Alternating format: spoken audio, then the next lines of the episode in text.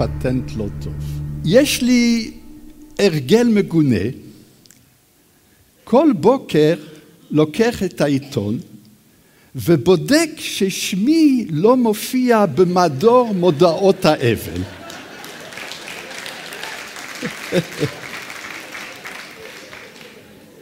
זה יהיה חבל מאוד אם אני אפספס את הלוויה של עצמי. כולם באו לחלוק לי כבוד ואני מבריז. וחוץ מזה, איך אוכל לשמוע את כל השקרים שאומרים עליי? אני יודע שחלק באים כדי להיות בטוחים שזה סופי.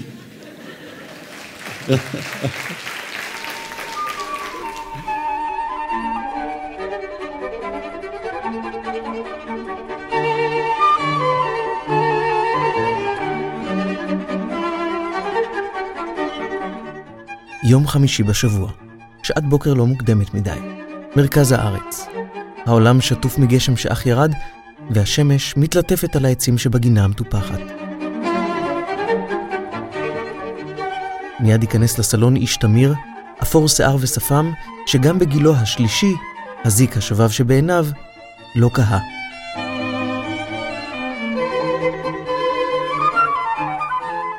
הוא מאוד נרגש. לעמוד על במה, לספר על עצמו ועל חייו מול קהל של מאות, אין בעיה. לשבת, לספר אחד על אחד, זה כבר משהו אחר. הכירו, דני לוז, איש חינוך, קיבוצניק, אב וסב גאה. אנחנו נפגשים בביתה של נורית, בתו הבכורה, ואיתנו בנו אמיר. דני לוצקי, זה שמו לפני שהוברט, נולד בשנת 1933 בפריס, ברובע ה-14. כשהוא בן שנתיים וחצי, עוברת המשפחה מפריס לכיוון צפון-מזרח, לחבלי הארץ על גבול גרמניה, לעיר מס, בחבל אורן. שם הייתה כל המשפחה של האימא שלי, מפולין, כל הדודים ומשפחה גדולה, כן.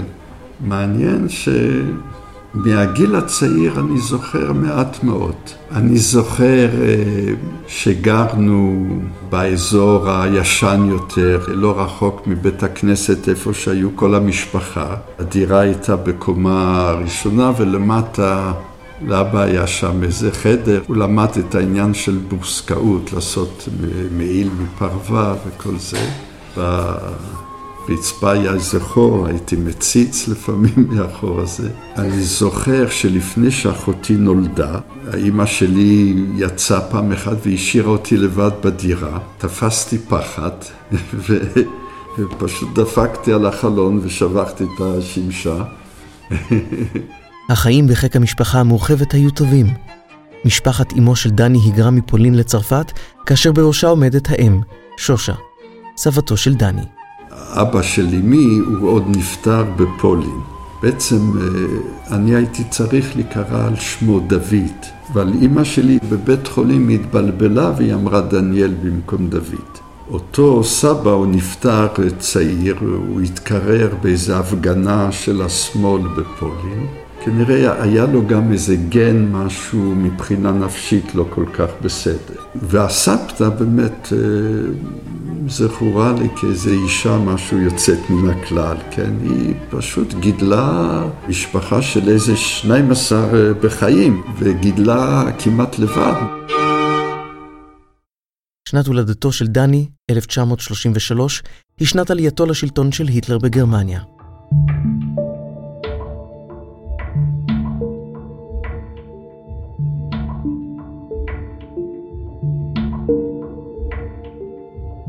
במהלך שנות ה-30 הרוחות המנשבות מגרמניה מביאות את אירופה להתארגנות דיפלומטית שמנסה להימנע מעוד מלחמה אפשרית ביבשת.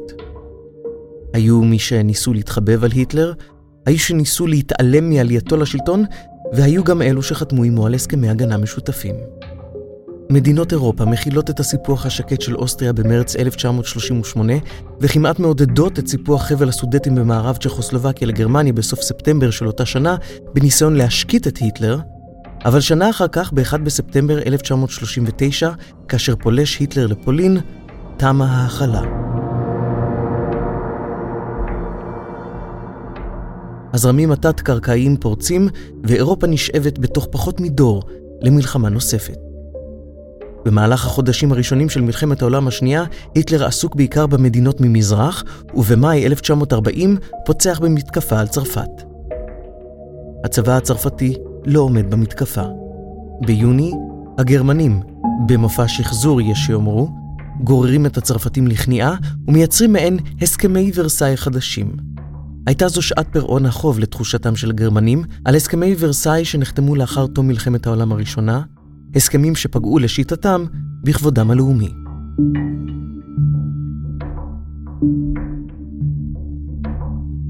בהתאם להסכם הכניעה של צרפת, היא חולקה לשני אזורים. האזור הכבוש, שכלל את צפונה של צרפת, כולל פריס, ורצועת החוף האטלנטית, ושטח של כ-40% משטחה של צרפת, שכונה האזור החופשי. בירת האזור החופשי, עיירת המרחצאות וישי, נתנה למשטר הבובות הצרפתי במהלך מלחמת העולם השנייה את שמו. עתה היו אלו הצרפתים שהונחו לשלם פיצויים לגרמנים, צבא צרפת קוצץ למאה אלף חיילים, הציפורק מנשקו, ספינותיו, חזרו לנמלים. כשהמלחמה פרצה, התחלנו לנוע כלפי דרום.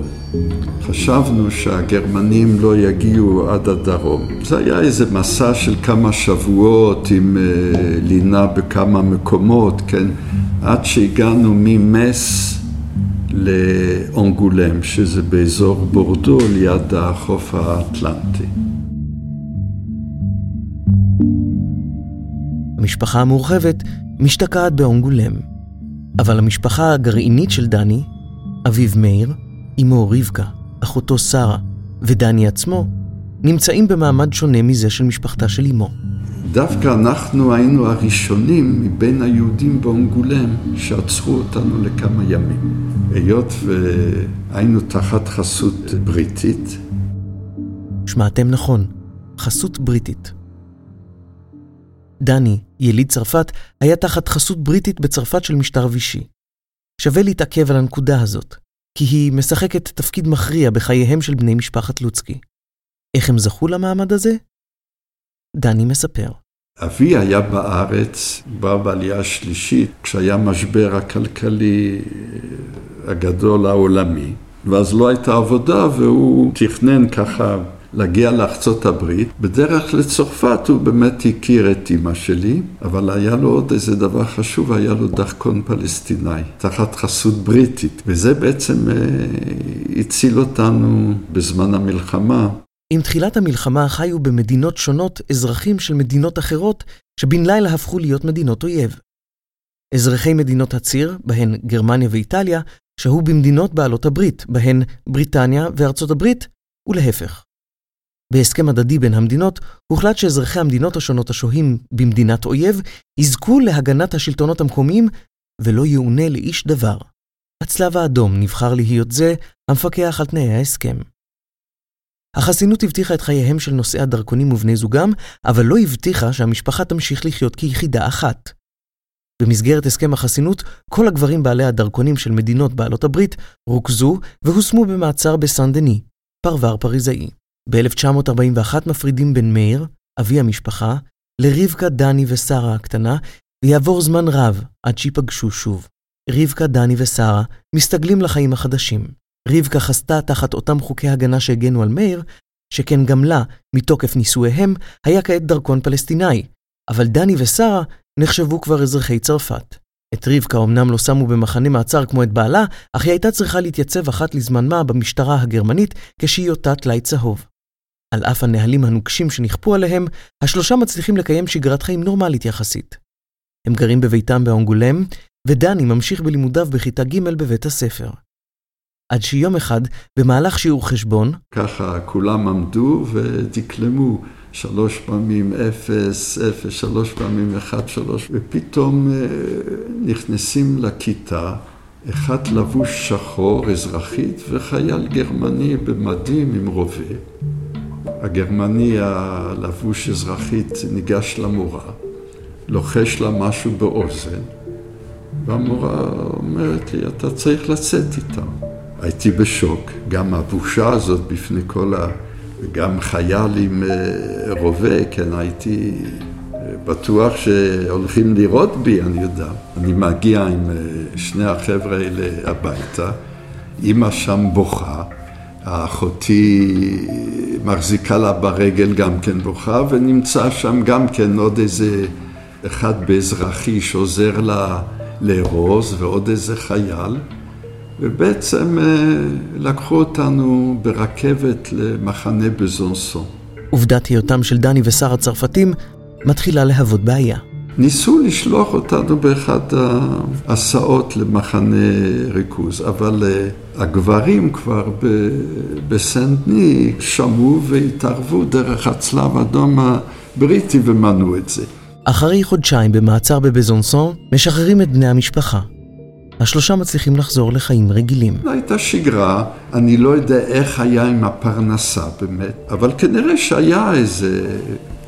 היה, אחרת האימא לא הייתה מבשלת. אבל גם זה לא החזיק מעמד זמן רב.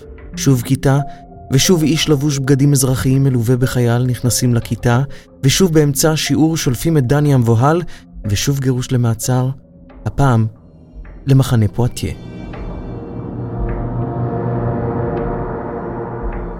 לכל אורך הזמן הזה, משפחתו של דני מצד אמו לא זוכה לחסינות לה הם זכו.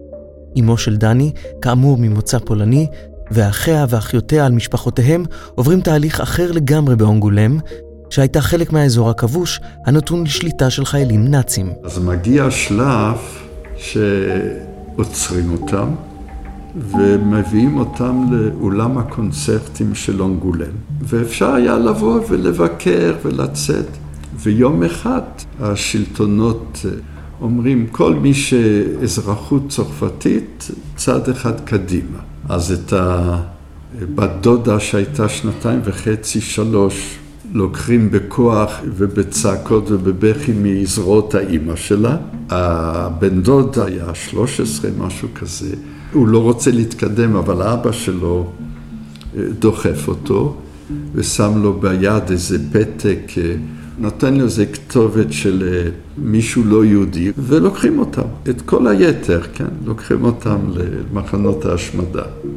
עזבת שושה, בניה, סלומון, מוטל, מוישה וסימון, ושתיים מבנותיה, מירלה ושרה, ועימם גם כלתה קלר ושניים מנכדיה, דוד וסולונג', מובלים למחנות ההשמדה. שתי דודות של דני, יטה ופני, הצליחו לעבור לאזור החופשי בדרום צרפת. הדודה יטה לימדה נערה מקומית, מארי לואיז, באונגולם. טרם יציאתה לאזור החופשי בשנת 1942, הצליחה הדודה יטה להבריח את בת אחותה מירלה, את יטה הקטנה בת השנתיים וחצי, למשפחתה של מארי לואיז, שטיפלה בילדה כאילו הייתה בתם. תלאות המלחמה של בן דודו של דני, אונרי, לבשו צורה אחרת לגמרי. את תחילת המלחמה הצליח להעביר מבלי שהנאצים עלו על עקבותיו. בן הדוד שברח לכתובת שהייתה כתובה על הפתק שתחב לידו אביו, מצליח לחיות שנה שלמה מתחת לרדאר. אך המזל שהאיר לעומרי פנים במשך שנה שלמה, אזל. חיילים גרמנים עוצרים אותו בעת שהלך ברחוב, מבקשים מסמכים. לעומרי אין.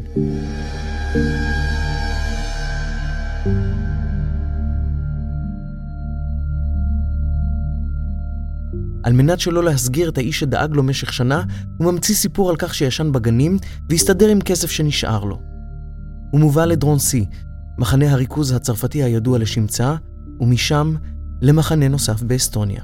בהגיעו למחנה הריכוז באסטוניה, פגש בו אדם בעל משפחה שאימץ אותו כבן.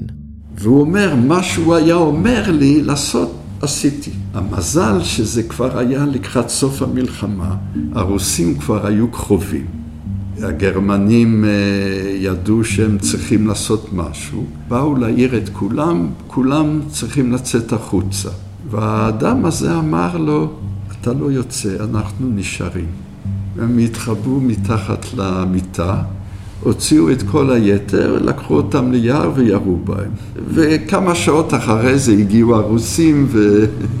וככה הוא, הוא ניצל.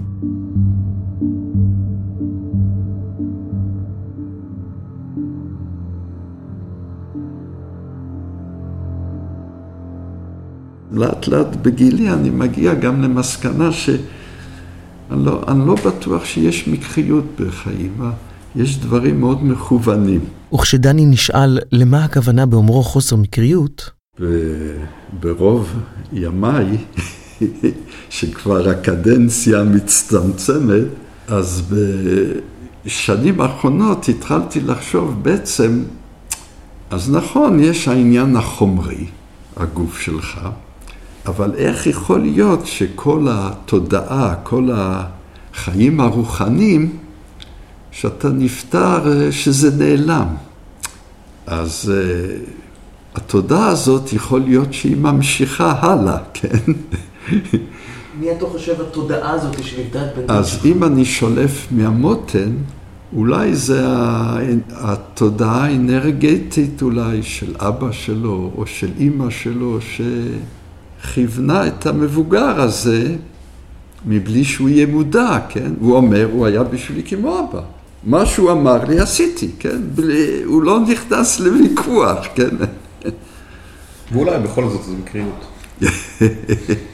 דני, שרה ואימם גורשו מביתם באנגולם למחנה בזונסון, מבזונסון למחנה פואטיה, ומפואטיה הם הועברו לעיירת הנופש ויטל, עיירה המפורסמת במרחצאות שלה, המוקמת במזרח צרפת כ-200 קילומטרים משטרסבורג. בתקופת המלחמה גודרה ויטל כולה והפכה למחנה מעצר לאויבים הנתונים תחת חסות. יש שיאמרו, מחנה המעצר הציורי ביותר האפשרי. נזירות אנגליות, אנשי עסקים, היה שם בית חולים, היה עיר. הגרמנים סיפקו אוכל כל יום, ונוסף לזה, קיבלת חבילה מהצלב האדום הבריטי, והיו שם דברים, חלב ממותק נוזלי, מסטיק, שזה היה דבר יקר ערך בצרפת, שוקולד, דברים טובים. והיה עוד דבר חשוב, מסמך רפואי שהגרמנים היו חייבים לדאוג שהרופאים יבדקו אותך, יחתמו ולשלוח בחזרה לצלב אדום הבריטי. וזאת הייתה הוכחה שהם מטפלים בך בצורה אה, בנאות. ואז יום אחד, הפעילות הצבאית מפרה את שגרת היום-יום במחנה. הגרמנים אה, הפילו איזה מטוס אנגלי. אז ילדים מה... מביטל, מהעיירה הזאת, באו עם חתיכות מטוס לגדר, נתתי להם מסטיק, נתנו לי חתיכת מטוס. כולם זכו ליהנות מהחבילות של הצלב האדום. בשנת 1983, כשהוא בן 50, חוזר דני לראשונה לצרפת ומבקר בביטל. כתבתי לעירייה בביטל שאני רוצה לבקר איפה שהייתי במחנה, ונפגשנו איש מהעירייה, שעשה לנו סיור במחנה והסביר ואני מספר ככה לא, לאיש מהעירייה ולאשתי ולבן דוד, אני מספר להם שפעם אחת הפילו מטוס ובא ילד עם חתיכה. אז על ידי פתאום עומד שוטר ואומר, אני מרשה לעצמי להתערב. הילד שבא עם ה... לעשות החלפה עם החתיכת מטוס, זה היה אח שלי, הסתרנו את הטייס בבית שלנו.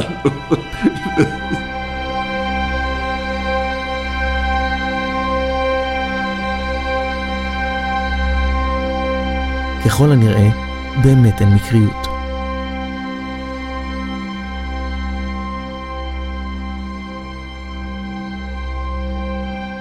החיים בביטל נהנו משגרה מסוימת. את בית הספר במקום הפעילו נזירות אנגליות שדאגו לחינוך הילדים. על אף שזכו לחסינות, ועל אף שהתרגלו לשגרת חיים כמעט נורמלית, אימי המלחמה היו תמיד במרחק נגיעה. במחנה פתאום הגרמנים גילו קבוצת יהודים אמריקאים עם דרכון אמריקאי מזויף, ואז הכניסו אותם למלון אה, מבודד, והם הבינו שמשהו טוב לא יכול להתרחש, והתחילו לקפוץ מהחלונות ולהתאבד. הפלישה לנורמנדי בצפון מערב צרפת ב-6 ביוני 1944 מסמנת את תחילת הקץ של מלחמת העולם השנייה. צבאות בעלות הברית מצליחים להשיב שליטה על האזורים שהיו תחת כיבוש נאצי באירופה בכלל, ובצרפת בפרט, וחודשיים אחר כך, באוגוסט 1944, דה גול חוזר לפריס ועומד בראש הממשלה הזמנית, שלימים תהפוך לרפובליקה הצרפתית הרביעית. נכנסו אמריקאים, ואיזה חייל אמריקאי נתן לי את הרובה שלו, ושאני אוביל את הגרמני ככה, ופתאום איזה חוויה מתקנת. נשמע שאת שנות המלחמה העביר דני באופן חלק כמעט, למעט הקירות והעובדה שלא ממש למד בצורה מסודרת.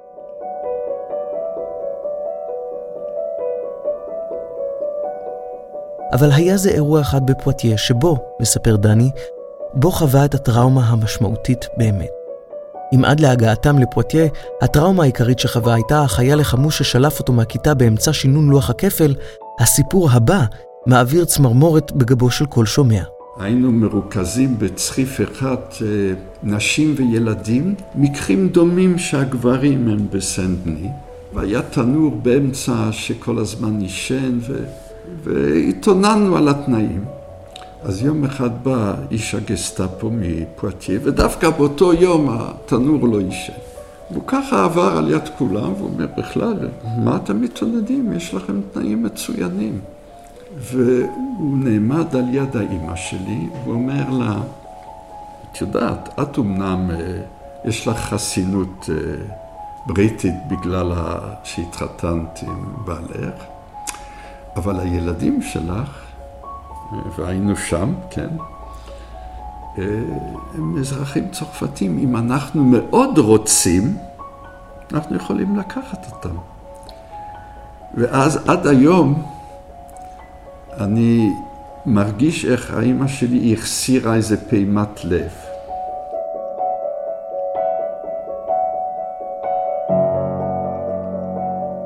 לפעמים הטרור המילולי השקט כביכול חזק מכל פעולה מדממת.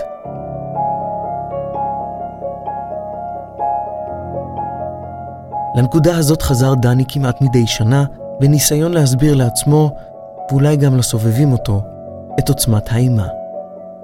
אז כל השנים כשהיו מזמינים אותי הנכדים הצעירים בכיתות ג' לספר ביום השואה, את הסיפור הזה המחסתי עם הילדים. בכיתה ג' נורא קל אה, שהילדים ישתפו פעולה. ביקשתי מתנדבים, מי שישחק את האימא שלי ואת אחותי, ומי שישחק את, ה... את הקצין הגרמני. זה מעניין, מה שנשאר לי מהמלחמה, יש לי אובססיה לראות סרטים עם חיילים גרמנים. זאת אומרת, אם אני מזפזף בערוצים, לא משנה איפה, ואני רואה סרט עם חיילים גרמנים, אני ננעל על זה. זאת אומרת, זה עושה לי טוב, כן? זה, זה, כן, זה משחרר משהו.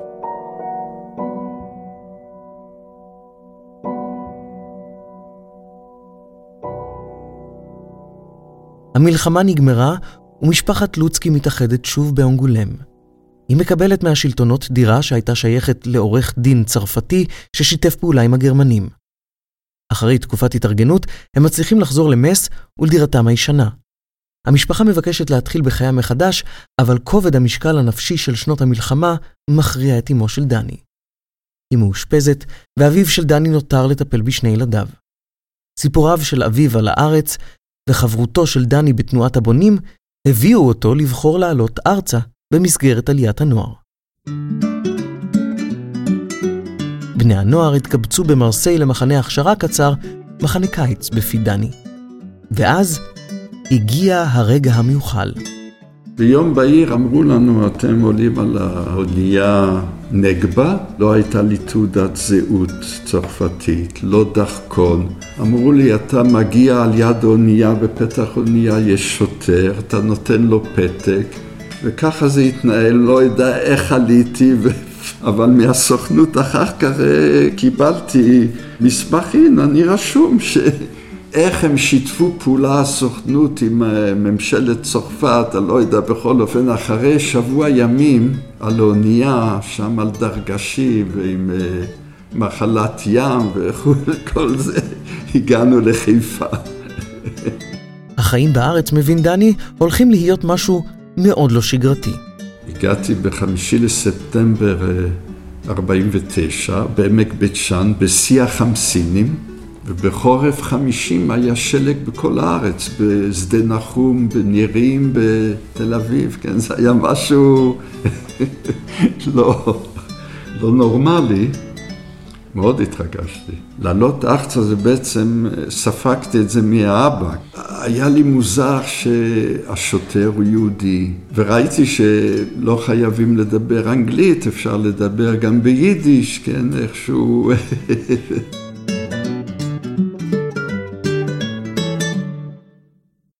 מנקודה זו והלאה, משך עשורים רבים, לקיבוץ הולכת להיות משמעות גדולה בחייו. הקבוצה של דני, בני נוער דוברי צרפתית מצרפת ומרוקו, מתמקמת בקיבוץ שדה נחום בעמק בית שאן. דני מסתגל מהר לחיים בקיבוץ. במהלך שנות המלחמה הוא לא למד באופן מסודר, וכעת הוא זוכה סוף סוף, בשנות התיכון, לשנת לימודים מסודרת, אבל גם בה יש ייחוד. היות והוא חי בקיבוץ, לצד הלימודים בכיתה, הם עבדו במהלך הימים במשקי הקיבוץ השונים. בשנות המדינה הראשונות הונהגה תוכנית הצנע, מזון בסיסי היה בקיצוב, ועל מותרות דוגמת שוקולד או חמאה, אין על מה לדבר. אבל יש מי שבחושיו אחדים יכול למצוא תענוגות ושפע. הייתי נכנס פעמיים לחדר אוכל בבוקר בשביל לאכול אשל. זה היה דליקטס בשביל אשל. עכשיו, בערב לא היו שוקולדים וכל זה, אז היינו הולכים כמה חברים לאורווה, מוצאים מהתערובת של הסוסים אה, חתיכות חרובים, שהיה בתערובת, זה היה מתוק, ושותים מים קרים בבית קירור. לקראת סוף שנת הלימודים, הקבוצה של דני מועברת לקיבוץ בית קשת. חברת הנוער הצטמצמה שם וביקשו לעבותה. שנת לימודים נוספת עוברת לה, ודני וחבריו שמתקרבים לגיל גיוס, מצטרפים לשתי חבורות נוער נוספות מקיבוץ כברי ומקיבוץ גבעת השלושה, והם מתגייסים כגרעין. בקצרה, ניתן לתאר את שירותו הצבאי כמעברים בחיפוש אחר בית קיבוצי. הנחל היה מסודר ככה שאחרי האימונים שלושה חודשים יש אה, שלט, זה שירות ללא תשלום. ובאנו בדיוק בסיטואציה שבית השיטה היו בתחילת הפילוג. המפאיניקים שהיו בעיקר אה, המבוגרים עמדו לעבור לאיילת השחר ובית השיטה עמדו לקבל צעירים מתל יוסף מפ"מניקים, איזו עסקה טובה. היינו שלושה צרפתים מחברת הנוער, והתחלנו לחשוב, פילוג וזה, אולי נבקש מהנחל שיעבירו אותנו לאיזה גרעין של השומר הצעיר. שם אין פילוג. הסכימו, העבירו אותנו מבית השיטה ללהבות הבשן. טוב, הגענו ללהבות הבשן, ושם נפלתי בחברה הונגרית שהתחנכה בחברת נוער בעוגן. וכך, אחרי שעבר בין קיבוצים ובין תנועות, דני מגיע עם שלושה מחבריו לקיבוץ שבו התעצבו חייו הבוגרים, קיבוץ העוגן. עם השחרור מצה"ל ועם תחילת החיים החדשים בקיבוץ העוגן, דני מספר שחש שעליו לעשות מעשה על מנת להוכיח את היותו חלק מהקבוצה החדשה, החברים דוברי ההונגרית. הייתי צריך לרכוש את מעמדי, כן, בכל זאת, אה, איזה צרפתי שנדד פה, נדד שם, מגיע בין הונגרים. הייתה איזה בחורה שלמדה גננת מהגרעין הזה. היא גמרה ללמוד, אז היא צריכה להתגייס, והקיבוץ צריך אותה בגננת. בתקופה הזאת הקיבוצים התנהגו כמדינה בתוך מדינה. ואז אה, חיפשו פראייר שיתחתן איתה פיקטיבית כדי שהיא לא תתגייס. משום מה, אני לא זוכר אם התנדבתי, אבל אה, יצא ככה שאני הולך איתה להתחתן בחדרה. אחר כך הגיע שלב, הכירה מישהו שהתגרש מעין החורש, הייתה לו בת, אז הייתה, היינו צריכים להתגרש. אז נסענו שוב לחדרה. ניתן לשמוע בקולו את העובדה שהסיפור הזה משעשע אותו עד היום. מאשתו הראשונה הוא התגרש עוד לפני שהוא פגש באשתו השנייה. זו האמיתית. רותי לבית גורפינקל, ילידת חיפה ובוגרת הריאלי, הייתה חברת גרעין של השומר הצעיר, גרעין שהגשים בקיבוץ נירים. קיבוץ העוגן נטוע עמוק בעמק חפר. קיבוץ נירים יושב על גבול רצועת עזה. איך השניים נפגשו? היה בקיבוץ ארצי מוסד שדואג לשידוכים. והיה בכל קיבוץ גם מישהי אחראית, שהיא רואה אם מישהו כבר רווק הרבה שנים, האכלנית המקומית. לתת לו את הטלפון ותיצור קשר. רותי לומדת באותה תקופה בסמינר הקיבוצים בתל אביב, ושוכרת חדר אצל משפחה שגרה לא רחוק. דני מקבל את מספר הטלפון, יוצר קשר והשניים נפגשים. לאט לאט, כמו שהוא אומר, הקשר בינו לבינה התהדק. הזוג הצעיר מתחיל להתראות תדיר, מפגישים בין ההורים, ולאחר זמן מה, הזוג מחליט להינשא. מבחינתו של דני, היה ברור באיזה קיבוץ השתקעו השניים. היות והיא הייתה שמרנית, אז היה לי ברור שהיא לא תעזוב את נירים. והיות ואני כבר הייתי רגיל להחליף מקומות, להפך, אני ככה דמיינתי שאני אבוא לקיבוץ ככה יותר צעיר מהעוגן, אני אוכל לתחום מניסיוני וכולי.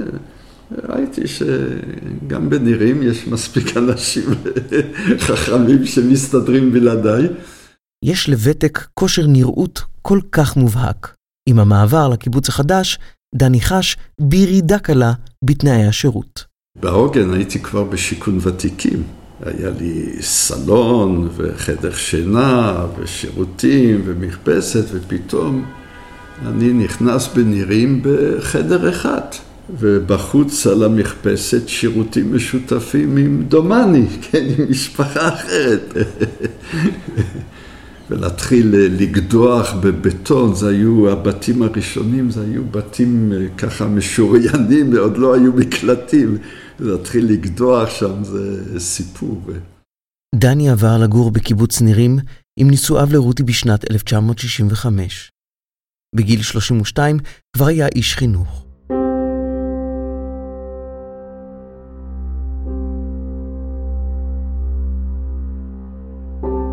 כשאדם בוחן את חייו, הוא יכול לזהות מהם הזרעים שנזרעו בילדותו, וכיצד מסתעפות מהם הבחירות שלו.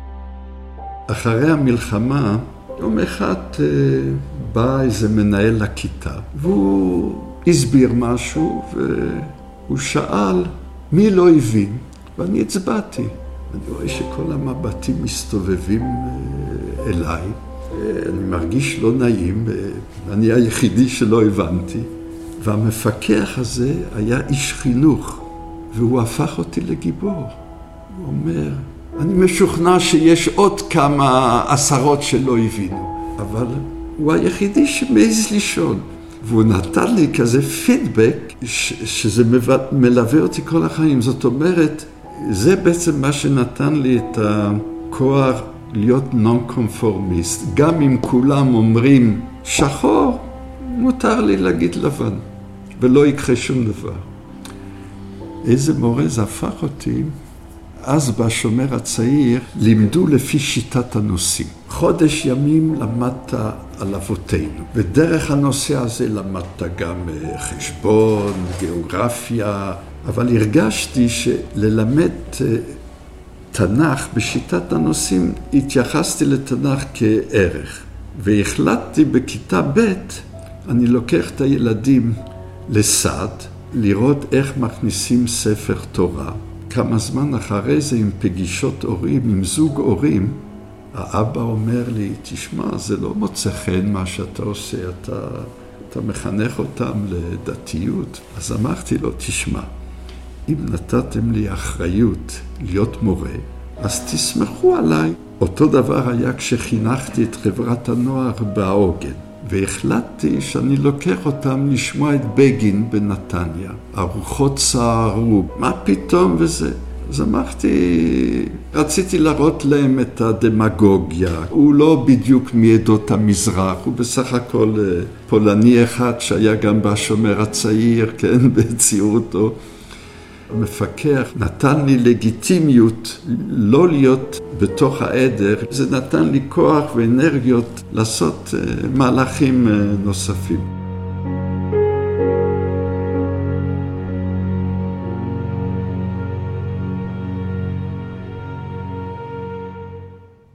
דני מבקש לחדד כלי נוסף שבו ישתמש כמחנך, אינטואיציה. לסמוך על תחושת הבטן שלך. אבל לצד האינטואיציה, בסופו של דבר ישנם מקרים שבהם התלמיד הופך להיות המורה של המורה. תוך כדי ארוחת הצהריים שלנו, מספר דני על אירוע כזה שהתרחש ב-1967, שנתיים לאחר הגיעו לקיבוץ נירים. באותה התקופה דני מחנך את כיתה ב' בקיבוץ. הימים ימי תקופת ההמתנה, והקיבוץ נמצא על גבול רצועת עזה. מתפקידו של המחנך להכין את הילדים למצב המלחמה. מעשה החינוך הופך למלאכת תיווך. אז עשיתי איתם תרגולים, כך וכך שניות, לרוץ למקלט, ובכיתה הייתה ילדה יותר צעירה, אז היא פעם אחת אומרת, זהו, הפעם אני לא משחקת. הם גם ראו שחופרים בקיבוץ, תעלות, והשתדלתי לבוא איתם ולראות את כל התעלות וכל זה, וגם השתדלתי לדובב אותם ככה. היה אחד שם יותר מבוגר, הוא אמר לי משהו מעניין. אומר, ממלחמה אני פוחד. למה? רופא שיניים אני יודע מה זה, מלחמה אני לא יודע מה זה. חודש לפני מלחמת ששת הימים, מגיחה לאוויר העולם בתם הבכורה של דני ורותי לוז, נורית. שנתיים אחר כך נולד אמיר, וגליה מצטרפת בנובמבר של 1972. פחות משנה אחר כך, באוקטובר של 1973, מלחמת יום הכיפורים מביאה לגיוסו של דני למילואים. הייתי בתורנות בגן. לקח... זה. לקחתי אותם לפרדס לטייל, ובסביבות שלוש... לחורשת זיתים. אשתי באה לקחו לי, באו לקחת אותך מהצבא. חזרתי, ארזתי תרמיל, והגענו לאופקים, ושם חיכינו שעות. בערב הגענו לשדה תימן, למחסנים. זה לא היה מסודר, לא היה ציוד, ו... והתחלנו לנוע. הגענו ככה עד לאזור טסה, שם ישב אריק שרון. ומטסה התחלנו לנוע לעבר התעלה. אחרי שעברנו את התעלה והתחלנו להתמקם ולחפור שוחות ולהקים אוהלים, אז התחלתי לעבוד במרכזיה. דני היה חייל מילואים של חיל הקשר. הוא שובץ במפקדת חמ"ל אוגדה 143, האוגדה של אריק שרון. אחרי צליחת התעלה, החיים נכנסו לשגרת מלחמה. בימים שלפני הסלולרי, ובתקופה שעדיין לא בכל בית היה טלפון, היה בידיו הכוח ליצירת הקשר עם העולם החיצון. הוא נהנה מצד אחד מיחס חם של כל חיילי האוגדה, אבל היה מישהו שעדיין נהנה מיחס מועדף עוד יותר. קיבלתי הנחיה לאפסנאי, אתה נותן קו מתי שהוא רוצה. דני מחליט לשמור על קשר עם הבית בצורה שנראית לו הנכונה ביותר.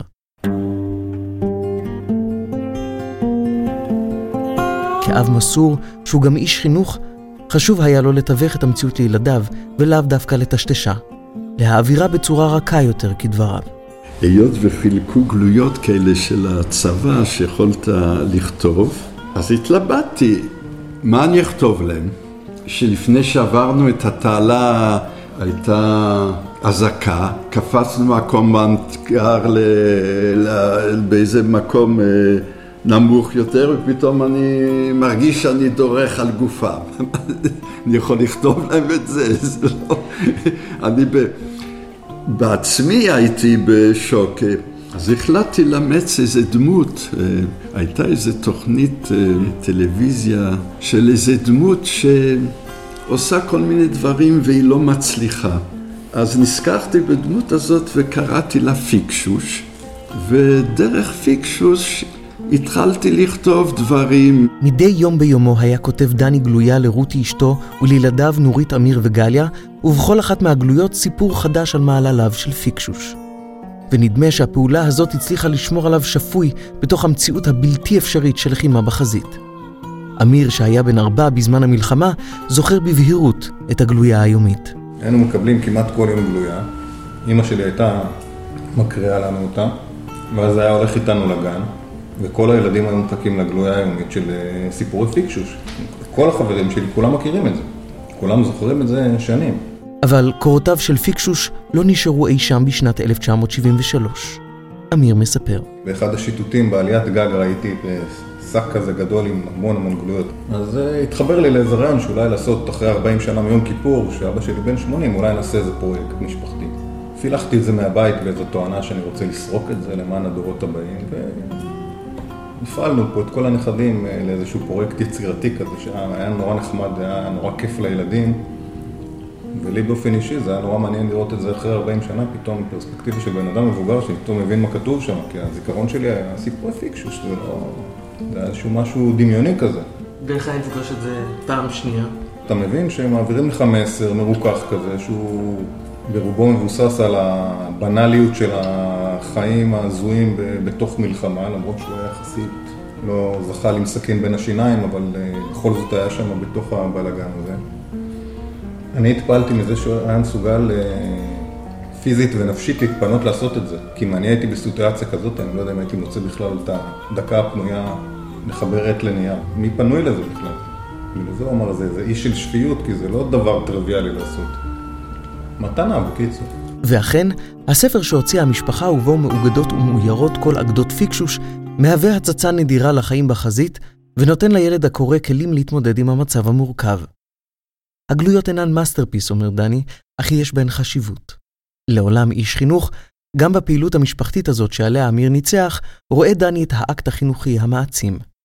הרגשתי שזה לא איזו יצירה ספרותית, אבל uh, הרגשתי שזה חשוב, שהגלויה תגיע. מה שעושה את זה, זה באמת העריכה. לא רק הצילום והכתיבה של הגלויה. הוא גם נתן לכל הנכדים לאייר. הוא גם דאג לזה לא לכתוב את השם על יד זה של הנכד, שלא יתחילו להשוות מי צייר יותר יפה. והשילוב הזה של האיורים, של העריכה, זה בעצם, אה, חבל שהוא לא כתב שהוא ערך את זה.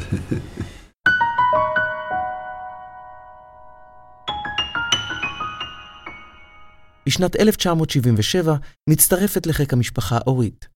הילדים גדלים בקיבוץ נירים, רותי ממשיכה במקצועה כאשת חינוך וממציאה דיסציפלינה חדשה המשלבת לצד המאפיינים הגיאוגרפיים של אזור מסוים, גם את ההיבטים ההיסטוריים, הסוציולוגיים והפולקלוריסטיים של המקום. נופולוגיה. לאחר 30 שנים כאיש חינוך, דני בוחר לעזוב את המקצוע ועובר לעבוד בלול של נירים, ואחר כך בהנהלת החשבונות.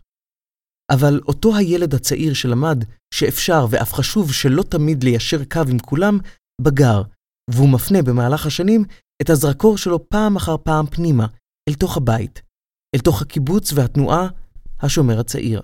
או במילותיו שלו, במשך השנים אה, לחמתי על הדעות שלי, על ה... ולא פעם התכסחתי עם הסביבה. אחת מאבני היסוד בתפיסת הקיבוץ, ובעיקר בזו של חברי תנועת השומר הצעיר, הייתה הלינה המשותפת. ילדי הקיבוץ היו ישנים בבתי ילדים, ולא עם הוריהם כפי שהיה נהוג במושב ובעיר, ולמעשה בכל העולם. הסיפור הבא התרחש כשעוד היה מחנך בקיבוץ העוגן בתחילת שנות ה-60. באחד הערבים, דני, שחינך באותה התקופה את כיתה ג' בקיבוץ, בא לבית הילדים לקרוא לכיתתו סיפור לפני השינה. והייתה שם בת, היא אומרת, כואב לי הראש, אני רוצה להורים. וזה לא היה מקובל. אז אמרתי לה, את יודעת מה? אני אגמור להשכיב, ואני אקח אותך להורים. לקחתי אותה להורים, וההורים היו מיוצאי פולניה, ואמרתי להם ביידיש, הילדה מפחדת. אמרו לי תודה רבה, והיא נשארה. למחרת פוגש בו מורה נוסף בקיבוץ, מבוגר ממנו, בעל משפחה. הוא פוצח בהרצאה על חשיבות הלינה המשותפת. זה בדוק מבחינה פסיכולוגית שלא טוב לישון אצל הורים. אז אמרתי לו, תשמע, מיליארדים יושבים אצל הורים. איזה מיעוט קטן לא ישנים אצל הורים.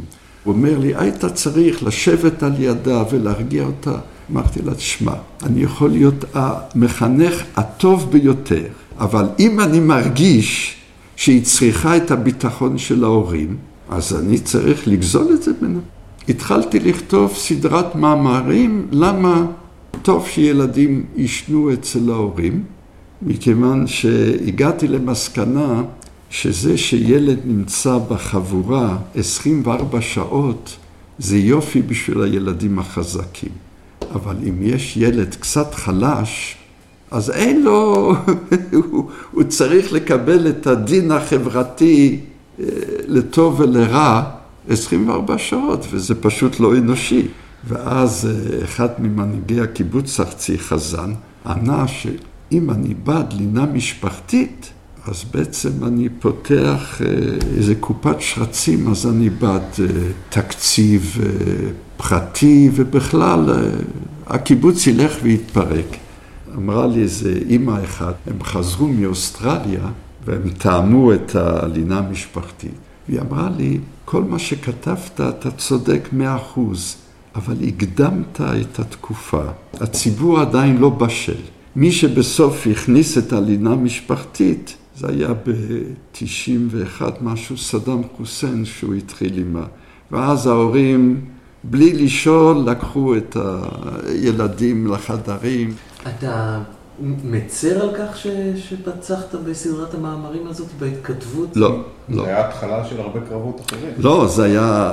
זה על היה הרבה... אסבסט, על פנסיה, 30 שנה לפני שידעו. כן. המאבק על הפנסיה של דור המייסדים של הקיבוץ נמשך משך שנים, והיום, ברוב הקיבוצים המופרטים, נמצאו הפתרונות. הקול האחד שהוא השמיע, מאתגר ותמיד צופה פני עתיד, הביא לו לא מעט מבקרים. וכשמבינים מהי נקודת המבט שלו על הקומוניזם, ניתן להבין את השורש לפעולותיו.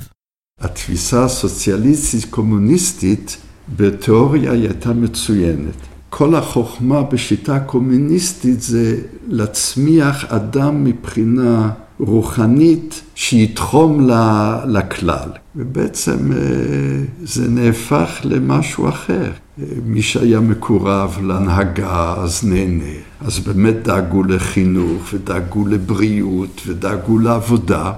ולא דאגו לצמיחה הרוחנית, שזה בעצם, זה הכי חשוב, כן? השיטה הקומוניסטית פספסה. האכפתיות והמעורבות של דני לא כוונה רק פנימה, לתוך הבית, לקיבוץ. יום אחד ראיתי איזו כתבה באחד העיתונים אה, המקוממים של באר שבע, שמישהו כתב ביקורת קשה לסורוקה. נורית הייתה מאושפזת בכירורגית ילדים בבית החולים סורוקה בבאר שבע משך שבועות ארוכים. כירורגית ילדים נשמעת ישר כמו מחלקה מיוחדת שבה יש תשומת לב לעובדת היותם של החולים רכים בשנים, שיש בה מערך תומך למשפחות. אך למעשה בתחילת שנות ה-80 כירורגית ילדים בסורוקה הייתה אמנם בחדר מיוחד, אבל ההתייחסות אליהם הייתה כאילו היו חלק מהאגף הכירורגי של המבוגרים. דני, שהיה אסיר תודה לטיפול לו זכתה נורית, מחליט להגיב באותו האופן, והוא כותב מכתב לעורך, בו הוא מציין את שמות אנשי הסגל שטיפלו בנורית.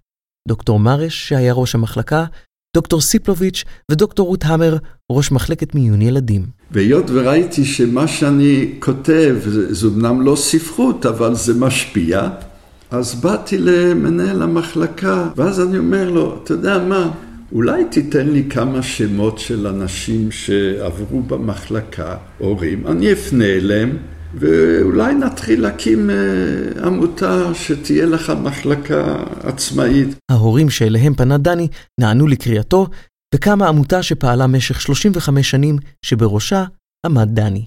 ובמשך הזמן בנו מחלקה נפרדת, אבל במקום אה, תת-קרקעי, רחוק מהשמש. אחד הילדים החולים שם קרא לזה הצוללת, ואז אה, שוב אה, עשינו כל מיני פעילויות להשיג אה, כספים למחלקה, לאור השמש. ובמחלקה הזאת דאגה העמותה, בשיתוף קרן רש"י, לגייס מורה ולהקים כיתת לימוד עבור הילדים המאושפזים. במהלך השנים הקים חיים סבן בניין חדש למחלקות ילדים בקמפוס סורוקה. העמותה מצאה תורם מאיטליה שתרם 2 מיליון דולר להקמת המחלקה בקומה העליונה של מגדל האשפוז. הרחק הרחק מהצוללת.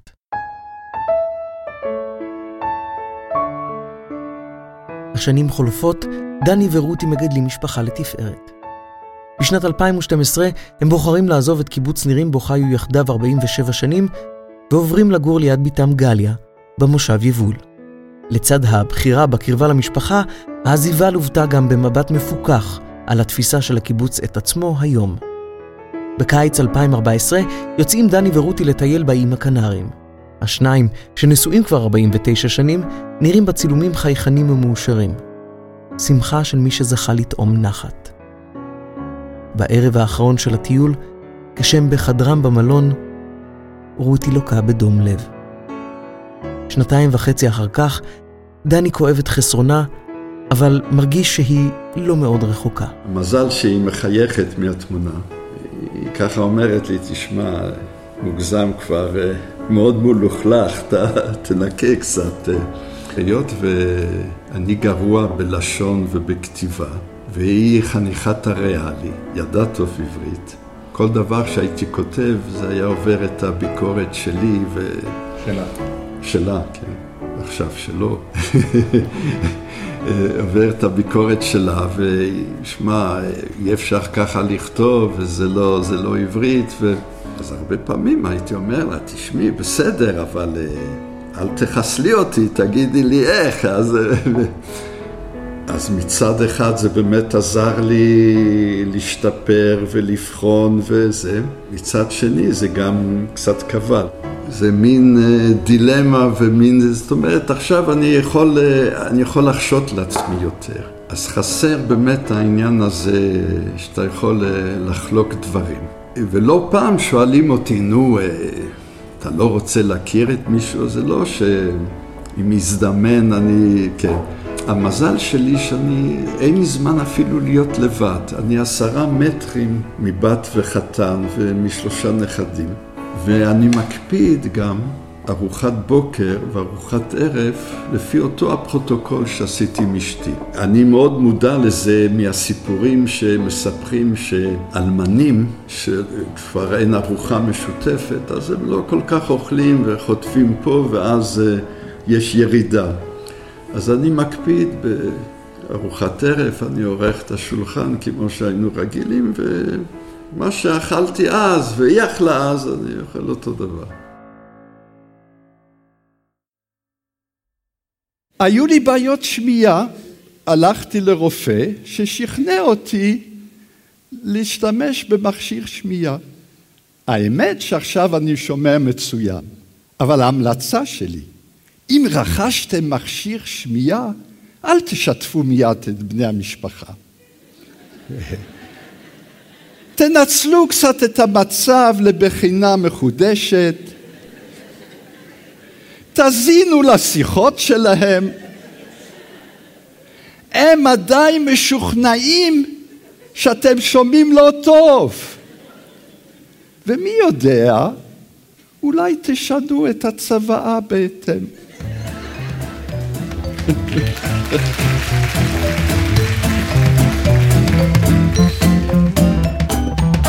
הגעתי למסקנה עם הגיל השלישי שבעצם זה לא מעניין את אף אחד אם אתה אומר, התעוררתי בבוקר והשריר נתפס וכואב פה וקשה להתחומם וקשה להתכופף, לא מעניין אף אחד. אבל אם אתה אומר את זה בהומור, מוכנים לשמוע. לפני שנה הזדמן לי אה, להשתתף באיזה סדנה, החיים כסרט מצחיק. ישר חשבתי על המונולוג על הגיל השלישי, עליה לי בראש. דני, שמשך שנים ארוכות משחק בתיאטרון החובבים בחבל אשכול בנגב המערבי, פונה ליוחנן ולר, הבמאי של הפרויקט החיים כסרט מצחיק, בבקשה. תהיה המנטור שלי, הוא אומר לוולר, יש לי רעיון למונולוג. ולר מסכים ואומר לו, לך על סטנדאפ. כשהוא רותם את יסודות הפסיכולוגיה החיובית, אותה תפיסת עולם אופטימית שמאפשרת גם, או בעיקר לאנשים שאינם נשמעים להוראות רופא, להאריך ימים, יוצא דני לדרך ומציג את החומרים בפני ולר. אז הכנתי משהו, איזה רבע שעה, והייתי משוכנע שזה סטנדאפ מצוין, בהומור. ואז הוא אמר לי, תשמע, טוב שקפצת למים, יש לך פוטנציאל, אבל זה לא סטנדאפ. העבודה על ליטוש הרעיונות לכדי מופע במה אינטנסיבית, ואמיר, שכבר למדנו עד כמה טובה מלאכת העריכה שלו, נקרא לדגל. הוא אמנם עוסק בכלכלה, אבל הוא בעצם יש לו נפש של אומן. וכשהוא היה גומר לעבוד בכפר סבא, בדרך הביתה, בטלפון, הייתי עושה חזרה איתו על העריכה שלו. העבודה על המופע צוברת תאוצה. יש מטרה ברורה. יש בתיאטרון הנגב רוח מקומית. התיאטרון אה, מאפשר לאומנים חובבים בתחומים שונים לבוא ולהופיע. דני מבין שיש כאן הזדמנות שחבל לפספס. בסוף ינואר 2016 בעידודו של ולר הוא ניגש לאודישן. יושב חבר השופטים, אולם של 900 אה, מקומות, אומנם היה ריק, והתחלתי את הסטנדאפ. ואני רואה שהם מתחילים לחייך. אז uh, הרגשתי שזה הולך. האודישנים בסוף ינואר היו לאירוע שהתרחש כעבור כחודש וחצי. חבר מצוות השופטים היה מעט סקפטי. אז מנהל התיאטרון אה, אומר לי, תגיד, אם אתה 82 פלוס, איך אתה יכול להתחייב לתשיעי במרץ? לקחתי את זה בהומור, ואמרתי לו, אתה לא מקורי, האונקולוג כבר אמר לי לפני עשר שנים, אתה עברת סטטיסטית, וכך תמות ממשהו אחר, אז...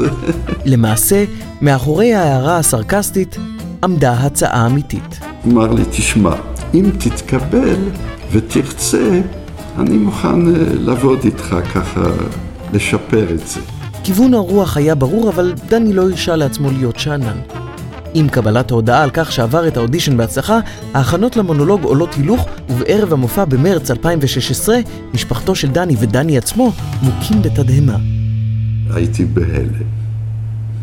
זה התחיל בזה שצילמו את כל אחד אחרי האודישן, והציגו את כל אחד מי הוא, מה הוא, ונגמר הקטע וידאו, ואני מתחיל את הסטנדאפ, ומתחילים ישר לצחוק ולמחום כפיים. הייתי עמום מהחיבוק הזה של הקהל. אחרי שכולם הופיעו, חבר השופטים ישב. יושב ראש חבר השופטים, קובי עוז, פונה לעשרת המופיעים. הוא התחיל ממני שקיבלתי פרס חביב הקהל. לתואר צורף פרס כספי, ודני בחר לתרום אותו לדיור המוגן בנווה אשכול. שם פגש ביוחנן ולר, שם התחיל את המסע שלו כסטנדאפיסט, בסדנה "החיים כסרט מצחיק". אתם ודאי יושבים עכשיו ואומרים לעצמכם, בן 82, הלך, עשה מונולוג, כבש פסגה וזהו. היה נחמד ונחמד שהיה.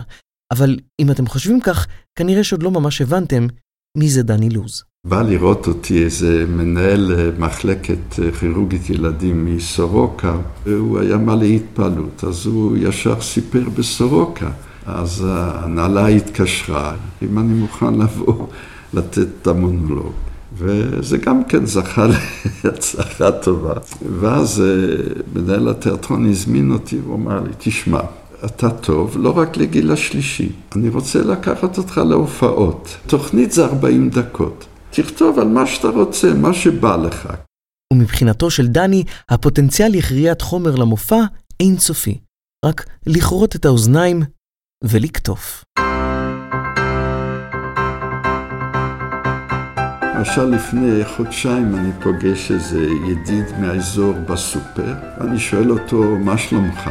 הוא אומר לי, בסדר. לפני שבועיים שתלתי את האבא שלי באדמה. שאלתי אותו, בן כמה היה אבא? 92, אה, חוץ מזה הכל בסדר. עוד בסופר ככה יש לי פנקס, רשמתי לי את המשפט, ואחר כך התחלתי לשחק עם זה. בעצם למה הוא התכוון? אם הוא שתל את האבא שלו לאדמה, הוא רוצה לגדל אותו, הוא מצפה לקבל פירות, אולי ירושה, אז, אז עבודה קשה. זכיתי בארבעה ילדים וארבעה חתנים וכלות מכל הסוגים ומכל הצבעים. והסך הכל הגדול, 12 נכדים. עבורי זהו האוצר אמיתי. אבל צריך ללמוד להיות סבא או סבתא. אל תנסו להעיר ולחנך, זה כבר לא מתפקידכם. אם התארחתם אצל הבת בחו"ל, וכעבור חודש ימים החתן אומר לכם, מה? אתם כבר נוסעים? החודש עבר מהר. סימן שידעתם לשתוק ברגעים הקריטיים. עם אשתי ככה הגענו למסקנה, כשייוולד נכד, אנחנו לא נתערב כמו החותנת. היא הייתה מספרת איך שאצל אחותה במצר הילדים לא רבים, ו... והם רגועים וכל זה. סגרנו בינינו, לא נתערב, ואני חושב שדי עמדנו בזה. אין בית ספר להורות. זאת אומרת, כל אחד יכול לעשות ילד, זה גם כן דבר שאתה צריך ללמוד. כהורה זה לא נגמר שהילד מגיע ל-18 ומתחתן ומתחיל ללדת ילדים. אתה צריך כל הזמן ללמוד, גם כהורה, גם כשהילד שלך מגיע ל-40 פלוס, חשוב לו שתתייחס לילדים של, שלו, ולא תספר לו עד כמה ששני מוצלח וחכם. ואכן, השיעורים שלמד כאב לילדים שהם היום בעצמם הורים לילדים משלהם, מוביל את דני למסקנה שהחיים בתיאוריה הם לא החיים בפרקטיקה.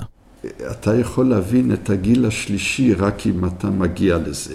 ואולי טוב, מכאן שהטבע סידר ככה שאתה יכול להבין רק אם הגעת לפה. אתה יכול להבין רק אם אתה הורה. אתה יכול לפני זה לחצות וכמה שהורה צריך להיות כך וכך, אבל עד שלא הגעת למעמד של הורה ולהתמודד עם ילד אחד כזה ועם ילד אחר ככה, לא הגעת לזה, אז, אה, אז אין לך את הניסיון. ומה באשר לשיעורים שמלמדים אותו הנכדים? מחפש איך להתחבר עם כל אחד אה, כדי להיות אין, כמובן הוואטסאפ. אם זה נכד שאני רואה שהוא מתעניין אה, באומנות ומצייר, אז אני לוקח אותו למוזיאון, לראות אפילו פיקאסו. וזה מדהים איך שבגיל שש, שש וחצי, ילד תופס דברים שאתה חושף אותו. שמתם לב לניסוח כמובן הוואטסאפ? נשאלת השאלה, מהיכן מגיע הכמובן הזה? אולי גם שמתם לב לכך שיוטיוב הוא אחד מהמקורות האהובים על דני בן ה-83 לצריכת תוכן. מסתבר שהוא מרגיש מאוד בנוח בעולם הדיגיטלי. למדתי גם עם המחשב להסתדר ועם הג'ימל, וכשהתחיל פייסבוק, אז אפילו לימדתי את אה, גליה, את הבת, ביבול עם הפייסבוק. ואז שהתחילו הטלפונים החכמים, העליתי רעיון אולי אה, לרכוש טלפון כזה. אז אה, הלכתי על זה, ראיתי שזה באמת לא נורא מסובך, שאפשר להסתדר עם זה. וזה פשוט עוזר לך להיות מחובר.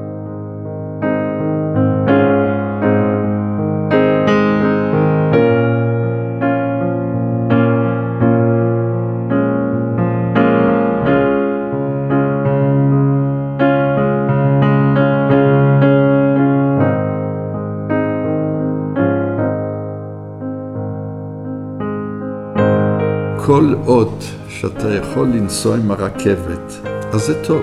אז יש התייחסות, אז אתה אין. באותו רגע שאתה נשאר על הרציף והולך בצד, אז אתה נשכח, כן? אין מה לעשות. אתה לא יכול להגיד, זהו, הגעתי. אם אתה רוצה להמשיך ולהיות רלוונטי, אתה צריך לעבוד על זה.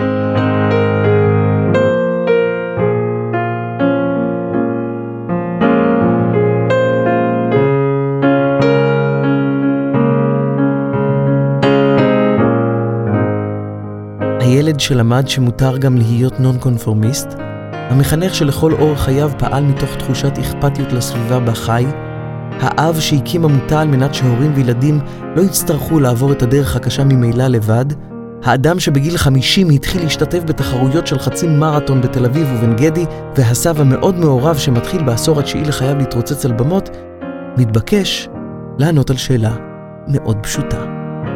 אז אם אני אשאל, מי אתה? אה, מי אני? אני בסך הכל אה, בן אדם שאוהב את עצמו, חרד לבריאותו.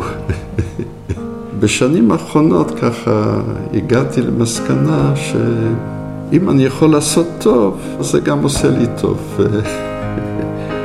יש לי המזל שגם זכיתי במשפחה יפה.